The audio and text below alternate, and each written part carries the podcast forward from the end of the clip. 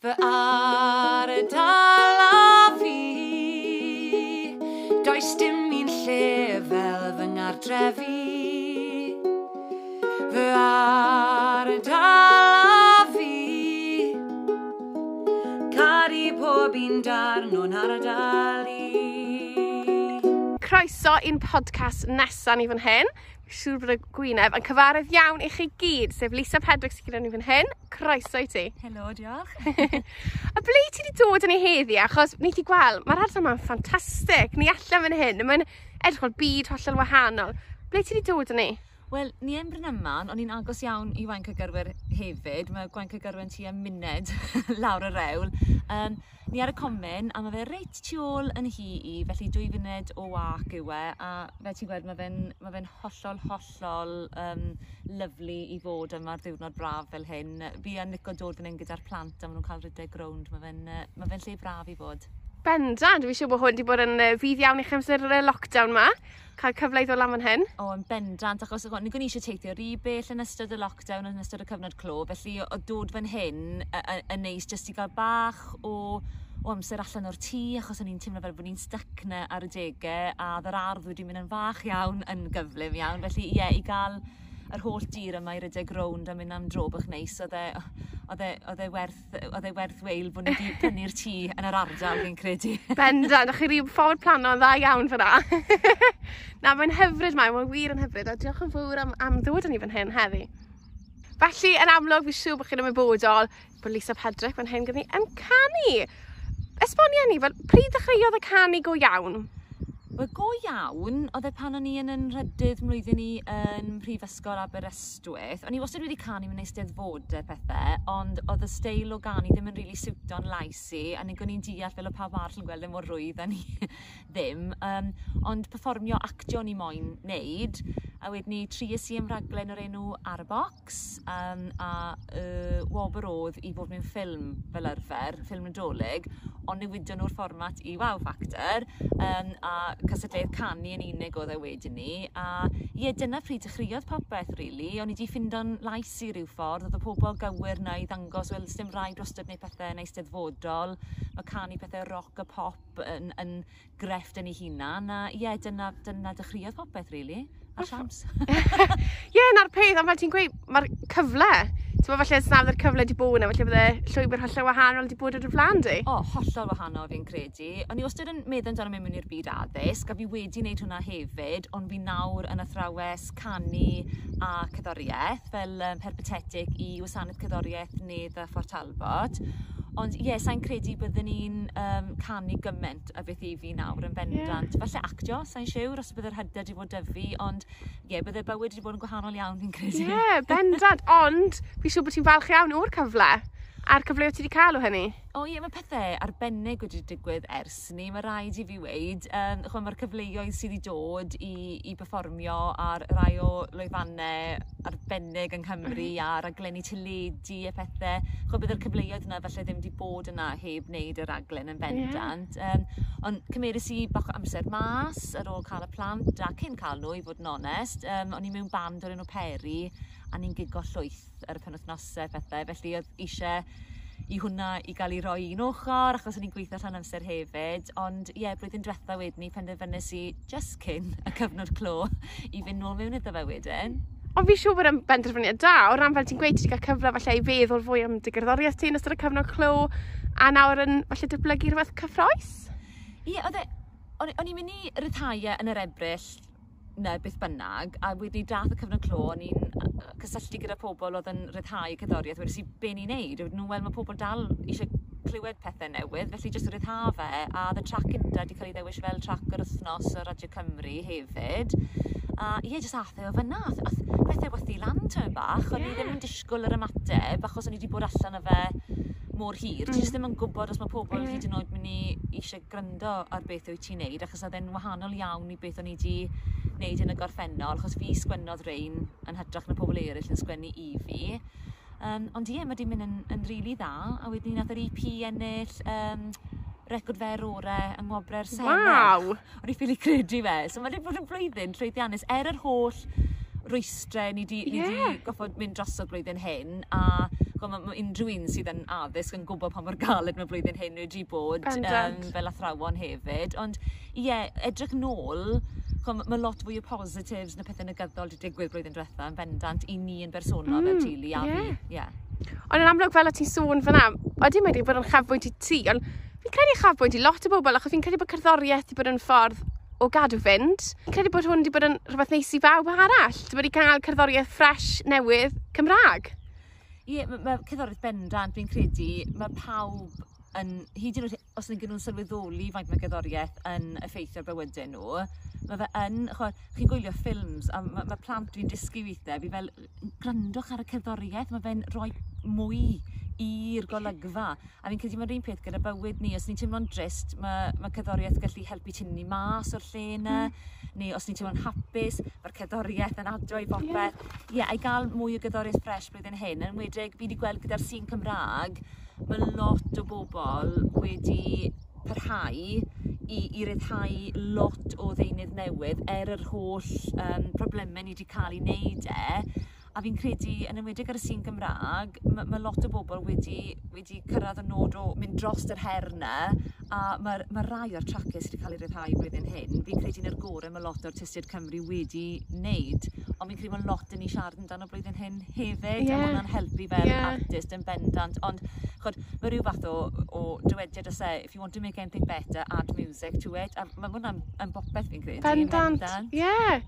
Ond i'r ardal leol mae felly di dy helpu di, felly yn ystod y cyfnod clw i gael y syniadau yma ac yn y blaen, a yr ysbrydoliaeth yna sydd eisiau i sgwennu can. Fi, fi ddim yn un i sgwennu am am natur a pethau. Fi'n gwybod lot o'r tistied, fi'n siw, mae fe Glaen Rhys Willis i hi yn cael cyfweliad byddai'n yma ar rhywbeth o wedodd hi, mae hi'n cymryd lot o ysbrydoliaeth i o yr ardal mae hi mewn a natur. Fi'n dieddol o sgwennu am profiadau fi wedi cael yn bywyd. Um, fi wedi sgwennu am rhywun o'r ardal yn had cu i um, ar ôl colli fe. Fi'n gweld weithiau mae sgwennu amdano pethau galed yn eich bywyd yn eitha cathartic. Um, ond fi wedi cael ei magu mewn ardal le mae cyddoriaeth yn bwysig. Mae gymaint o gyddoriaeth fyw yn yr ardal hyn wastad wedi bod, reit ar stepyn drws mm. a pethau fel gigs y gwach. Um, cerddoriaeth Cymraeg fyw gyda artistiaid gorau Cymru yn dod i'r ardal. Mae hwnna'n rhywbeth arbennig. Um, mm. So, mae'r effaith mae'r ardal wedi cael arno fi yn gerddorol, gyda bandiau pres a pethau hefyd pan o'n i'n fach, ar eisteddfodau, mae hwnna'n cael effaith mm. arno fi, ond sa'n dieddol o sgwennu am yr ardal os mae hynny yeah. yn gwneud unrhyw synwyr. Ie, yeah, na, bentam.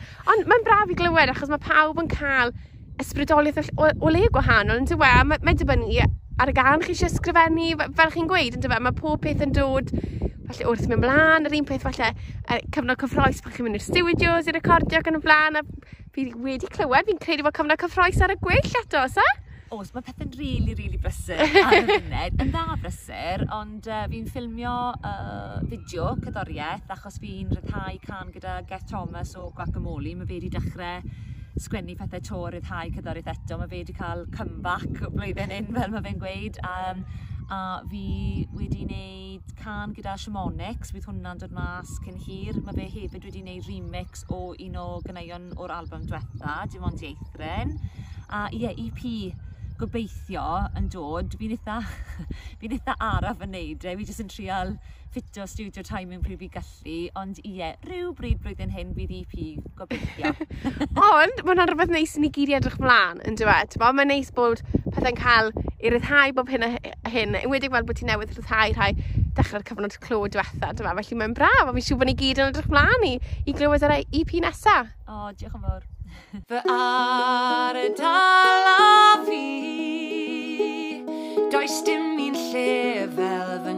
trefi Fy ardal a fi Caru pob un darn o'n ardal i Felly, ti'n nes i sôn fan hyn ar dechrau bod ti nawr wedi dechrau swydd hefyd yn y byd dysgu. Esbonia, siwr ti ti cael amser i wneud popeth? Mae fe'n Oedd e'n iawn cyn cael plant i wneud y ddoe, ond ie, mae fe bach o jygl achos yn amlwg fi goffod mynd â nhw i, i wneud i weithgareddau nhw ar ôl ysgol y pethau hefyd. Um, ie, yeah, just diolch byth bod fi'n byw yn yr ardal hyn i fod yn onest, achos mae mam a dad lawr yr ewl, um, a mae mam a tad yng Ngwri lawr um, Hont Henry hefyd, felly dim rhy beth, a maen nhw wastad yn barod i cael y plant, y plant i fi os mae angen gofal arnyn nhw er mwyn i fi mynd i ffilmio pethau. Um, yeah, just ar y funud dwi e ddim rhy ffôl achos dyw'r gigs ddim wedi dechrau nôl yn iawn. Gewn ni weld fel fi'n ymdopi pan mae pethau yn mynd yn fwy brysur, ond ie, yeah, just ceisio bod yn drefnus a weithiau, os mae'r tŷ yn edrych fel twlc, mae fe'n edrych fel twlc ar y funud. A mae hwnna'n iawn. Chwa, mae rhaid gadw rhywbeth i fynd, y fe? Bendant. Neu bod dan cyfnod clos, dim hawdd unrhyw un dod fewn i weld ar y funud, so fi'n cael get away dy fe ar y funud, ond ie, just trial meddwl amdano beth sydd yn bwysig yr wythnos na, a just trial neud beth fi gallu, a os fi methu, wel, na fe, fe, yeah, rhaid gadw yeah, yeah, bendant. Ydy, mae'r ma balans yn rhywbeth mae rhaid cael yn dweud, a fi'n credu bod, mae rhywbeth ni wedi dysgu trwy cyfnod clo, dysgu wei na, chybod, o ran fel chi'n gweud, gallu meddwl, os amser gyda fi wneud e, nac oes. Chybod, a fel, fel yr un peth o ti, ti'n canolbwyntio ar y wythnos hynny be mae rhaid cyflawni. Os chi'n cyflawni fe, ffantastig, os na, Na, yn fe, chybod? Ie, yeah, fe ti'n gwneud yn y cyfnod clo, arafu lawr, oedd mm. pawb di wneud. Yeah. O'n i bai os o'ch chi'n gweithio yn amlwg i'r gwasanaeth iechyd, le oedd pethau di mynd yn hyd yn oed yn fwy brysur iddyn nhw. Yeah. Dde? Ond, ie, amser gyda teulu yw'r peth mwyaf bwysig mm. i fi. Mae'r canu a performio yn ei fi'n rili, really, rili really hapus. Wy'n joio'n swydd fel athrawes chod, un, os mae rhywbeth ddim yn ei fi'n hapus dyddiau e hyn, fi yn dieddol o dweud na nawr, yeah. achos mae bywyd rhy fyr, a fe fi'n gweud byddai'n edrych nôl mewn cwbl o flynyddoedd, a byddai'r plant wedi tyfu lan, a byddai di'n meddwl, o, oh, pam wedi di rithro popeth. Ie, yeah, bendant. Felly, ie, yeah, just, just prioritising fi'n credu, yeah. gwybod beth sydd yn bwysig, a beth sydd gallu just aros tan yr wythnos ar ôl. Ie, yeah. ond na, fi'n credu bod hwnna'n top tip da i fod yn onest, achos fi'n credu, mae rhywbeth mae rhaid ni gyd i gofio, fi'n bendant, a fel ti'n gweud, ti ddim yn edrych yn ôl, a difaru, a meddwl, mae amser yn hedfan, ti'n ble ath yr amser hynny, achos fynd yma. Ie, yeah, fi jyst yn gobeithio nyr, mae pethau'n dechrau dod nôl i rhyw fath o normal, mm. normalrwydd, de, fe. Um, ie, fi jyst yn gobeithio bod ni ddim gyd yn anghofio y cyfnod hyn, yeah. a pa mor bwysig oedd e, i jyst cymryd bach o amser allan. Ie, yeah, bendant. Fi'n gweud, gewn ni weld mewn flwyddyn yn Ie, yeah, a fi ti'n nôl yn neud llwyth o gigs, mae bwthnos, oedd e fel, Lisa, siamai. Gyda'r bags yn mynd yn fwy ac yn fwy. Ond ti'n meddwl parhau gyda'r gyrfa dysgu a'r canu am, am flynyddoedd maith neu? Ydw, fi'n pedwar diwrnod yr wythnos ar y funud, fi'n fi cael un dydd yr wythnos bant i fod gyda y plant. Mae'n neis i gallu mynd yn nhw i ysgol, mae'r un fach ar y funud, yr un lli a Greta ddim yn ysgol ar y funud, so fi'n gallu mynd â hi gwers nofio hi, a mae hwnna'n lyflu uh, e, pob dydd iau i weld hwnna. Hmm. So mae'n rhoi bach fwy o, o flexi time i fi cael y diwrnod yn y bant ar y funud, fi'n ymdopi'n iawn gyda popeth. Um, sa eisiau gadw fynd yn rhywbeth yeah, i fod yn onest. Yeah. Fi'n joio pob dim, ond fi'n gwybod mae neb gallu cael popeth. Na, na, na. Fel fi'n gweud, fi jyst yn cymryd un dydd ar y tro ar y mm. funud, fi'n joio beth fi'n neud, a ie, yeah, jyst gweld fe'n mynd, rili. Really. Ie, yeah, a fi'n credu bod hwnna'n ffordd da o, o weld yn diwedd, achos os ti'n joio swydd, dwi e ddim yn teimlo fel bod ti'n gweithio, yn diwedd. Felly, yr er un fath y cerddoriaeth ti'n gweud, mae cerddoriaeth yn ffordd o falle o ddianc mewn ffordd, yn dwi e, ffordd o rili really mwynhau a, a joio beth ti'n neud, yr un pethau ti o ran cyfnod cyffroes o ran yr EP a pethau. Felly mae'n braf bod, bod digon o bethau ar y gweill hefyd. Ie, yeah, fi'n credu fi'n trio gweld y canu'r perfformio'r y funud mwy fel rhywbeth fel hobi. Mm -hmm. So mae lot o bobl yn licio mynd mas a mynd am spa breaks a pethau. Hwnnw beth i fi wneud. God, um, am nawr, achos mae'r mae, mae, ma, byd performio'n eitha fregus dal ar y yeah, funud. Fi'n yeah. gweld gymaint o bobl chod, sydd wedi colli gymaint o waith mm. blwyddyn hyn. Fi'n ffodus bod y swydd dysgu gyda fi yeah. a bod fi'n mwynhau e mae cyflog yn dod mewn yn misol, fi mor ffodus, achos fi'n gweld lot o ffrindiau fi, maen nhw wedi cael blwyddyn mm. galed iawn, iawn, iawn yn y byd perfformio. Felly, ie, yeah, fi'n credu ar y funud, mae'n neud y ddau yn peth eitha synhwyrol. Ie, ie, yeah, bendant. Ond fe fi'n gweud, os mae rhywbeth yn dod lan, can weld, yfe? Ie, Ond fel, ti newid sôn fan te, o ran, beth, beth ti yn credu yw dyfodol, falle maes, wel, y credigol, chymod, achos ni angen e. Mae pawb angen e. Chymo, ni gyd wedi colli fe. E, Pyn o bod yn mynd i'r theatr, mynd i gig, mynd i gyngerdd. Yn amlwg, ni gyd yn gobeithio bod nhw'n dyn ôl, ond beth i ti'n meddwl? Fi'n gobeithio wneud popeth dechrau nôl yn iawn eto. Fi'n gwybod mae'n mynd i gymryd amser. Fi jyst yn gobeithio ni gen i wedi colli gormod o, o bobl da mm. yn y meysydd. Nid jyst bobl sy'n performio, mae gymaint o bobl chod, tu ôl llwyfan yeah. gyda y goleio. Maen nhw wedi colli gymaint o gyflog blwyddyn hyn. Mm a mae fe'n cyfnod ansicr iddyn nhw, ond yeah. mae angen y pobl da yna i roi y sioeau da ymlaen, a gigs da, a yeah. Ond mae ma dal fi'n gweld, mae'r galw am e'n bendant. Oh, bendant. Achos oedd gig lawr yr ewl pethyrna yma, dim ond rai pobl gallu mynd, y rai prynu tocynnau flan llaw a pethau, ond oedd wedi gwerthu mas yn syth, yeah. felly mae'r galw yn bendant yna, bendant. a fi'n credu unwaith mae pethau'n llacio digon, bydd bob man yn llawn eto fi'n yeah. credu yn syth, achos beth mae pobl angen gweld perfformiadau byw a clywed cerddoriaeth a mae'r celfyddydau yn rhywbeth mor bwysig i ni fel, fel Cymru fi'n credu, bydde bydde fe'n sili i ddim yeah, really, yeah. i, i dod i popeth tu ôl iddo fe. Fi jyst yn mm. gobeithio bod y Llywodraeth yn gweld y bwysigrwydd y maes mm. hefyd, achos mae hwnna'n lot o fe, os so yeah. nhw'n cefnogol, mae ma, ma rhyw fath o gobeith yn ei wedyn.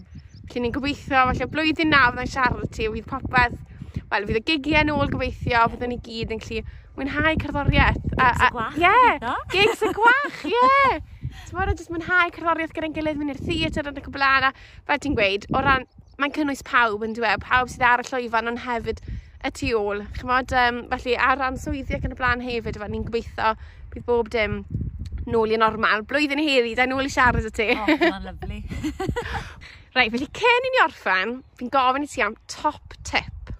Iawn, felly top tip, lle rhyw berson ifanc sydd allan yna neu ni wedi felly yn y maes perfformio, canu ac yn y blaen, sy'n meddwl ble i fy nesa? Be, be bydde ti'n gweud? Felly, beth yw'r cyngor gorau ti wedi derbyn?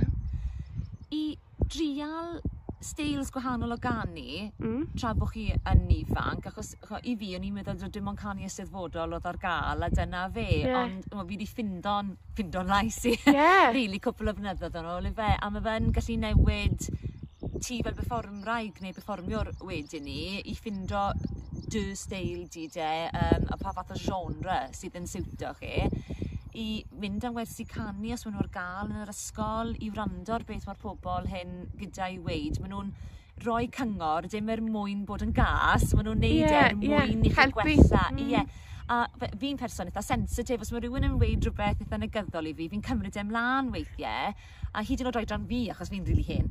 um, cho, mae fe gallu effeithio yn chi tymau bach, ond beth sydd eisiau neud yw, a fi'n dechrau siarad yn hunan yn well nawr yw, mae'r pethau yna yno i helpu chi i, i wella mm. eich sgiliau perfformio chi. Um, yeah, e, jyst i gymryd y cyngor yna a perfformio gymaint a chi gallu. Jyst cymerwch pob cyfle sydd i perfformio a wneud popeth jyst gwella naturiol wedyn. Fab! Wel, diolch yn fawr i ti mae cyngor. Fi'n siŵr oedd nifer gwrando ar y cyngor hefyd yn wedig ar ôl gweld ble ti wedi cyrraedd erbyn hyn. Felly diolch yn fawr i ti mae croeso heddi. Diolch yn fawr.